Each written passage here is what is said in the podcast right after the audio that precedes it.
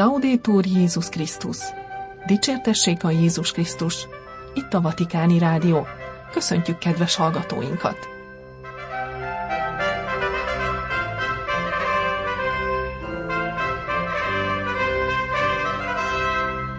A mikrofonnál Somogyi Viktória, pinteki adásunk tartalmából.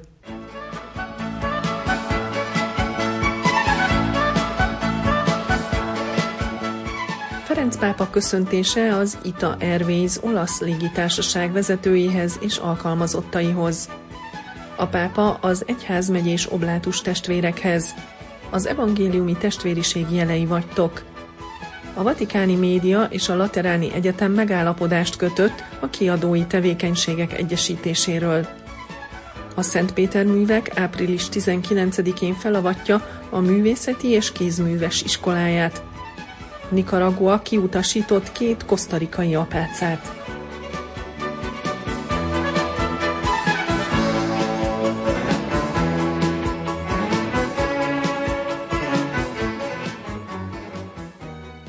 Ferenc pápa köszöntése az Ita Airways olasz légitársaság vezetőihez és alkalmazottaihoz.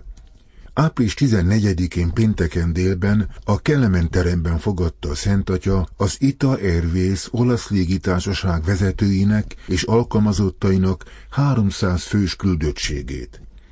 Munkájuk közvetlenül is fontos Ferenc pápa számára, hiszen ez a légitársaság vette át a korábbi Alitalia feladatát, és így ma is egyik legkitüntetőbb szolgálatuk a pápa apostoli útjainak biztosítása repülőgépeik és a személyzet hűséges és önzetlen szolgálatán keresztül. Két hét múlva, ha Isten is úgy akarja, elindulok a 41. apostoli zarándoklatra Magyarországra, szólt beszédében a Szent Atya. Ferenc pápa hozzájuk intézett beszéde kezdetén megköszönte jelenlétüket, hogy ezúttal éppen a Vatikánban landoltak. Voi rappresentate le ali del Papa perché permettono a me di volare sino ai confini della terra portando il Vangelo della speranza della pace. Szeretettel üdvözölt közülük mindenkit, akik valamilyen módon a pápa szárnyait képviselik, mert ezt teszi lehetővé a számára, hogy Péter utódjaként elrepüljön a föld végső határáig, elvíve oda a remény és a béke evangéliumát. Ferenc pápa néha arra gondol, mi lett volna, ha Szent Pál apostolnak is lehetősége lett volna repülővel utaznia? E képből kiindulva röviden sorra vette a pápaság légi utazásainak a történetét. Ez a dolog, mármint a repülés, valóban megtörtént egy pápával, aki a népek apostola nevét viselte. 1964. január 4-e volt, amikor Szent hatodik pápa felszállt az Alitalia DC-8-as gépére, amelyek már azóta nyugdíjba vonultak, és így a történelem első pápájaként repülővel indult apostoli zarándok útjára. Montini pápa nagyon vágyott erre a rövid, de nagyon intenzív utazásra, amely őt a Szentföldre vitte. Lelkesedéssel és meghatottsággal számolt be erről a zsinat atyáinak a második vatikán zsinat második időszaka végén. Ez a Róma Fiumicino repülőteréről induló és a jordániai Ammanba érkező repülés a pápai utazások egész sorát nyitotta meg a világ körül. Ez lett a pápa Péteri lelkipásztori szolgálatának egy új módja, amely lehetővé tette, hogy Róma püspöke sok emberhez eljuthasson, akik soha nem lettek volna képesek, hogy elzarándokoljanak Rómába, az örök városba. Szent hatodik Pál első útját még további nyolc repülés követte, amely az összes kontinenst érintette. Questa forma di missione è diventata parte integrante del pontificato. Szent második János Pál pápával, aki 27 éves pápasága alatt 104 nemzetközi utat tett meg, ez a missziós forma a pápaság szerves részévé vált.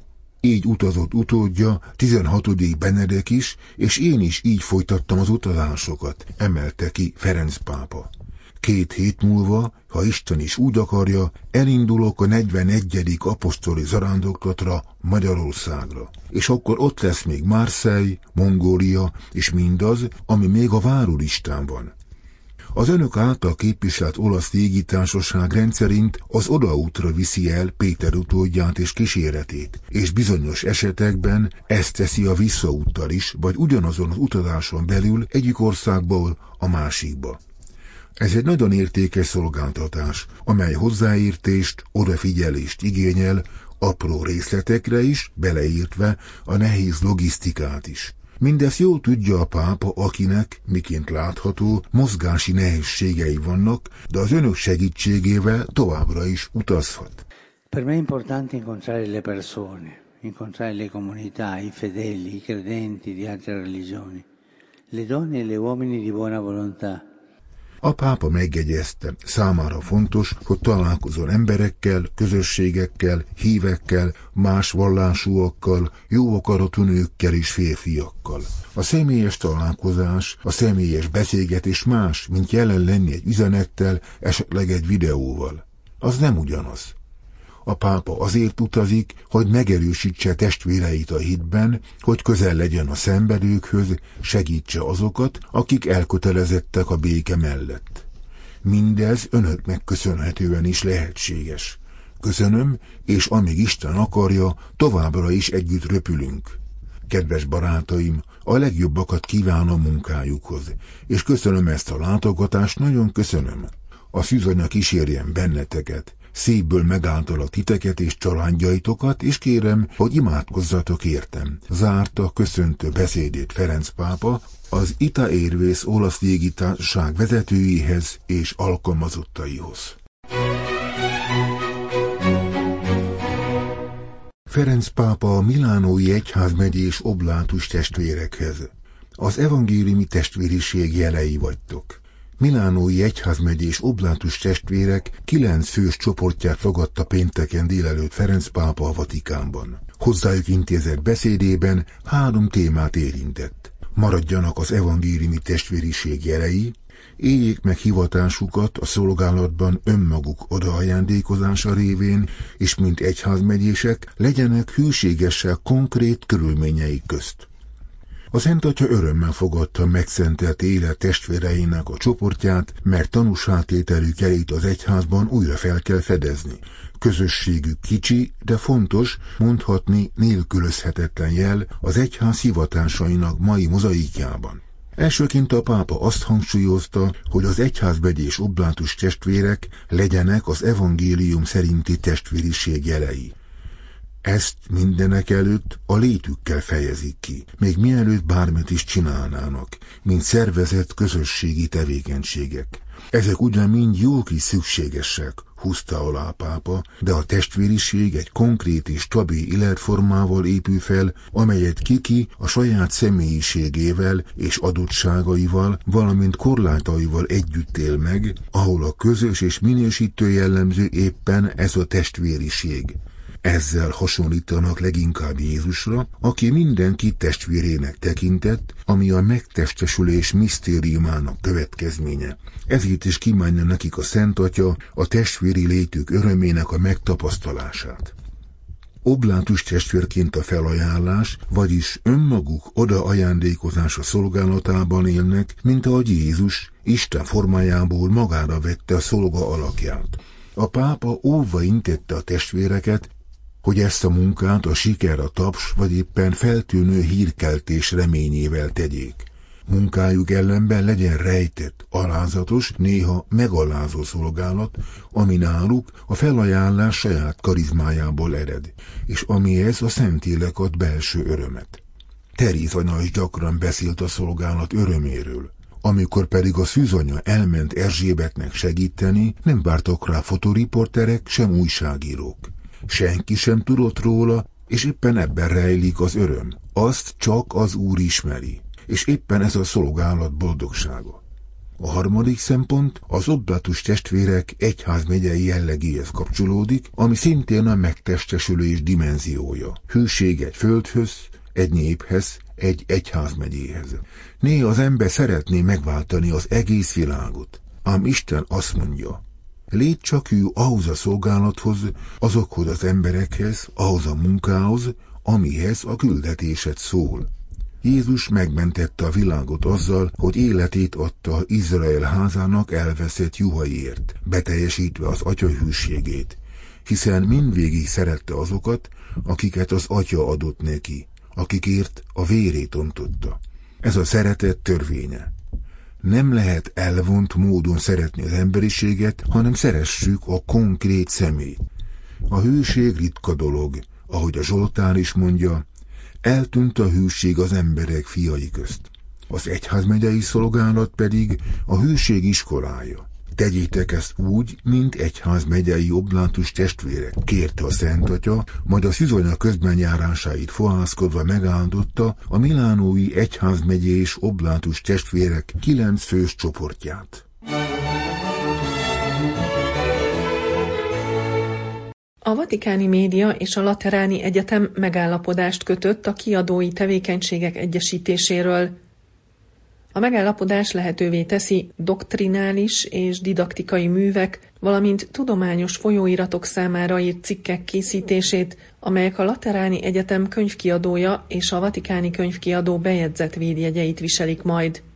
A Vatikáni Kommunikációs Dikasztérium prefektusa Paolo Ruffini és Vincenzo Bonomo, a Pápai Lateráni Egyetem rektora, április 13-án csütörtökön aláírta a Pápai Egyetem kiadói tevékenységének irányítását célzó megállapodást.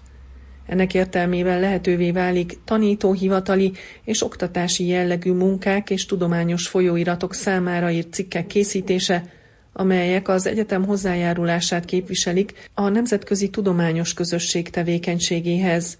A jelen megállapodás keretében létrejött alkotások a sajtóközlemény szerint a Lateráni Egyetem könyvkiadója és a Vatikáni könyvkiadó bejegyzett védjegyeit viselik. A sorozatban is megjelenő kötetek különböző tudományterületekre terjednek ki, teológia, filozófia, jog, a béke és a nemzetközi együttműködés tudománya, ökológia és környezetvédelem, és a rangos folyóiratok időszakos kiadása is társul hozzájuk. Ezek közé tartozik az Apollinaris a kánon és polgárjog területén, az Aquinas a filozófia, a Lateranum a teológia, a Studia e Documenta Historiae et Juris a római jog és jogtörténet világában, valamint a Lateran Law Review az összehasonlító jog és a nemzetközi jog számára, amelyet jelenleg online formában tesznek közé.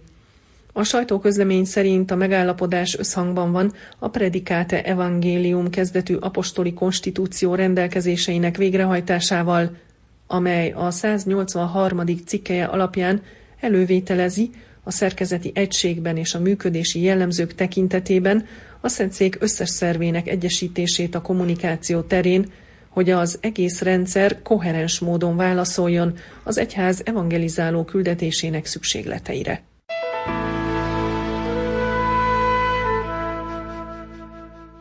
A Szentpéter művek április 19-én felavatja a művészeti és kézműves iskoláját. Az est során Mauro Gambetti bíboros, a Szentpéter művek és a Fratelli Tutti alapítvány elnöke nyitó beszédet mond, majd az olasz kulturális miniszter is felszólal. A Szentpéter Művek Művészeti és Kézműves Iskolája akadémiai felávatását április 19-én, szerdán 19 órakor tartják a Szentpéter Bazilika átriumában, a Fratelli Tutti alapítványjal együttműködésben. Az estet Antonio Preziosi, az olasz közszolgálati televízió, a RAI parlamenti tudósításokért felelős igazgatója vezeti. Mauro Gambetti bíboros, a Szentpéter művek és a Fratelli Tutti alapítvány elnöke szólal fel először, majd köszöntőt mond Gennaro San Giuliano olasz kulturális miniszter. A Lectio Magistralist Mario Cucinella építészre, tervezőre és akadémikusra, az MCA Mario Cucinella Architects alapítójára bízták, aki az iskola diákjainak és a jelenlévő vendégeknek az építészet és formatervezés digitális mesterei a kezeddel gondolkodni témáról tart előadást. Az évszázadok során a kezek hozzájárultak a kultúra és a tudás átadásához. Életet adtak a gondolatoknak, formába öntötték azokat, építettek újat, vigyáztak kulturális örökségünkre, Helyreállították a megrongálódott részeket, ami lehetővé tette, hogy megmaradjanak az idő múlásával. A történelmet elhozták nekünk, és elvezetik a jövőbe is. Létfontosságú, hogy legyenek olyan iskolák, amelyek a kézzel végzett tevékenységek ismeretének megőrzéséről gondoskodnak, amelyek elvezetnek az ősi és új anyagok, új technikák megismeréséhez, amelyek támogatják a kézműves ismereteket, és hogy ez a tudás térben és időben elterjedjen, hogy folytonosság legyen a múlt, a jelen és a jövő között, hangsúlyozza Mário Cucinella építész. A Cucinella építész által a kezekkel való gondolkodásról szóló elmélkedés visszahozza a középpontba az oktatás szerves dimenzióját, amely képes újra összekapcsolni a spekulatív és a gyakorlati tudást. A Szentpéter művek művészeti és kézműves iskolája ezen a téren is egy értékes modellt szeretne kínálni a hallgatóknak, párbeszédbe állítva és integrálva a technikát és a technológiát, a művészetet és az elméleti tanulmányokat, húzza alá Gambetti bíboros. Az avatáson részt vesz Assunta di Sante is, akit az iskola tudományos vezetésével bíztak meg, valamint Nicoletta Marconi, professzor és tudományos tanácsadó. A rendezvényt Francesco Occhetta atya, a Fratelli Tutti alapítvány főtitkára és a Szent Péter művek művészeti és kézműves iskolájának igazgatója zárja. Az akadémiai avatás arra is lehetőséget kínál, hogy az oktatói testület és a hallgatók jelenlétében bemutassák a következő ciklus tantárgyait. Nicaragua kiutasított két kosztarikai apácát. A közép-amerikai ország rezsimje kiutasította a dominikai angyali üdvözlet kongregáció két szerzetes nőjét, és elkobozta a San Pedro de Lovágói trapista kolostort. Április 12-én szerdán kiutasították Nicaraguából a dominikai kongregáció két kosztarikai szerzetes nőjét, Isabel és Cecilia Blanco Cubillot, akik egy idősek otthonában a Fundación Colegio Susana López Carazóban teljesítettek szolgálatot. A két apáca korábban 1958-ban a Rivas ház vezetője volt. Mindketten szerdán délután érkeztek meg Kosztarikába. A közép-amerikai ország kormánya április 11-én elkobozta a Csontaleszi San Pedro de Lovágóban található trappista szerzetesnők kolostorát, és átadta a Nikaraguai Mezőgazdasági Technológiai Intézetnek. A trappista apácák február 24-én hagyták el a kolostort, és másnap érkeztek meg Panamába. A kongregáció a ciszterci nővérek rendjéhez tartozik, és 2001. január 20-án érkezett Argentinából Nikaraguába. 2022. júliusában a kalkuttai Szent Teréz anya által alapított szeretett misszionáriusokat utasították ki Nikaraguából, miután a nemzetgyűlés megsemmisítette jogállásukat. A nagy hét elején kiutasították a panamai klaretiánus misszionáriust, Donaciano Alarcon atyát, amiért imádkozott Rolando Álvarezért, a Matagalpai egyházmegye püspökéért és Eszteli apostoli adminisztrátoráért, akit több mint 26 év börtönre ítéltek, és február 9-e óta börtönben van, miután 2022. augusztus 19-e óta házi őrizetben volt. A katolikus közösség nehéz nagy hetet élt át, miután Ortega elnök betiltotta a hagyományos nyilvános szertartásokat ebben az időszakban. Több mint 3000 körmenetet tiltottak be az országban, és mintegy 20 embert tartóztattak le. A 2007 óta hatalmon lévő, az országot 1979 és 90 között is irányító, immár 76 éves Daniel Ortégát, a szandinista baloldali forradalmárt 2021. november 7-én választották újra, immár a negyedik egymást követő elnöki ciklusára, miután az ellenzéki jelölteket eltiltották vagy börtönbe zárták. Vatikáni